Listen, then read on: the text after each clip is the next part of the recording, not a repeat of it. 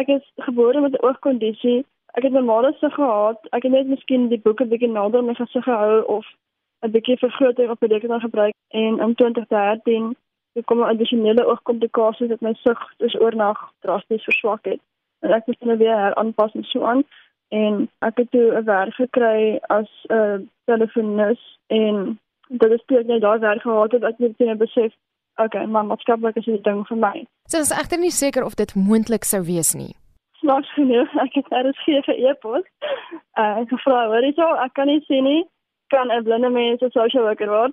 En Matelies bring dit my verwys na organisasies en dinge toe en ek het hulle gekontak en ek het toe nou vir 'n plan om besluit om dit te gaan studeer en ja, ek dink ek was so gemotiveerd geweest. Ek het net nie nee verantwoord gevat nie. Sy sê die universiteit is toeganklik vir siggestremdes. Hulle het goed soos die tactile paving of die dis plaveise wat jy kan voel waar dis paadjies maak wat jy kan voel waar jy moet loop en die verkeersligte het knoppies op wat vir jou 'n klank maak wanneer jy die pad kan kruis en so voort.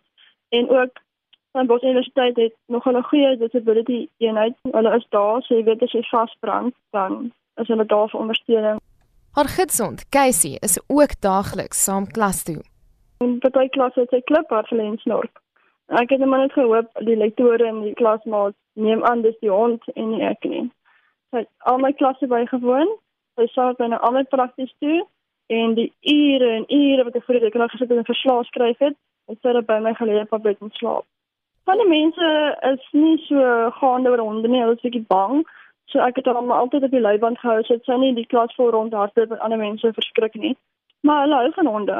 As ons gaan sit dan maak ek al los dat sy net in die in die rykant soos rondbeweeg en ons almal bly om te sien en almal sê vir hallo en so aan. Sy sê ander mense kan nie jou potensiaal meet nie. 'n Mens moet beperkings in ag neem en dit is nie altyd rooskleurig en maklik nie, maar dit kan gedoen word. So dit is 'n 'n meer vlakkige benadering wat nodig is, maar ek dink dit begin by jouself. En as jy self sterk genoeg is in jouself en jouself ken en antwoord maak op jou drome, dan sal die ander mense afluister. Een van die benaderinge wat ek vat is weet jy wat, ek gaan hierdie doen en jy gaan my of help om dit te doen of jy moet uit my pad uitkom want hierdie gaan gebeur.